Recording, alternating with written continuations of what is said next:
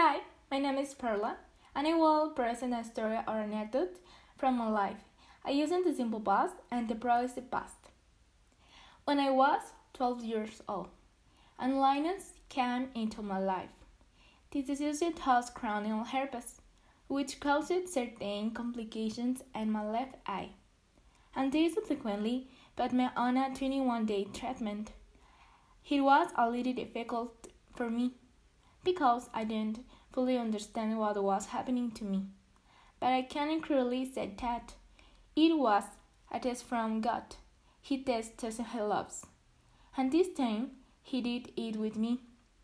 They were stressful days of anguish, pain, worry, and insecurity. But I was part of God's plan. It was incredible how my mother had the strength to do things she had to find out what medical studies they had to do and be aware of absolutely everything. A living part of what life really is out there, where there are people even sicker than me. And they don't complain and they are grateful to God for another day of life, something that most people don't think to do. I learned to value too many things that probably were not of much importance to me and to do value always met me. Understand and have a different vision.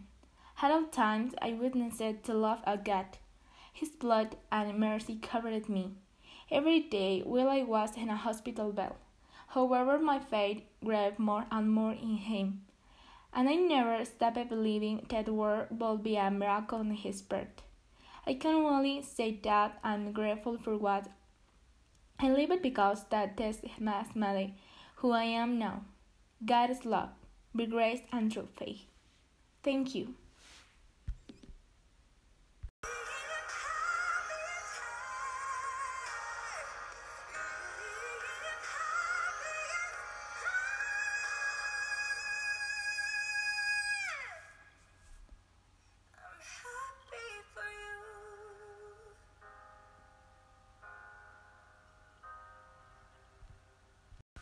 Don't forget to play my new podcast, where I tell the story of my life, using the simple past and the progressive past, already available on Spotify.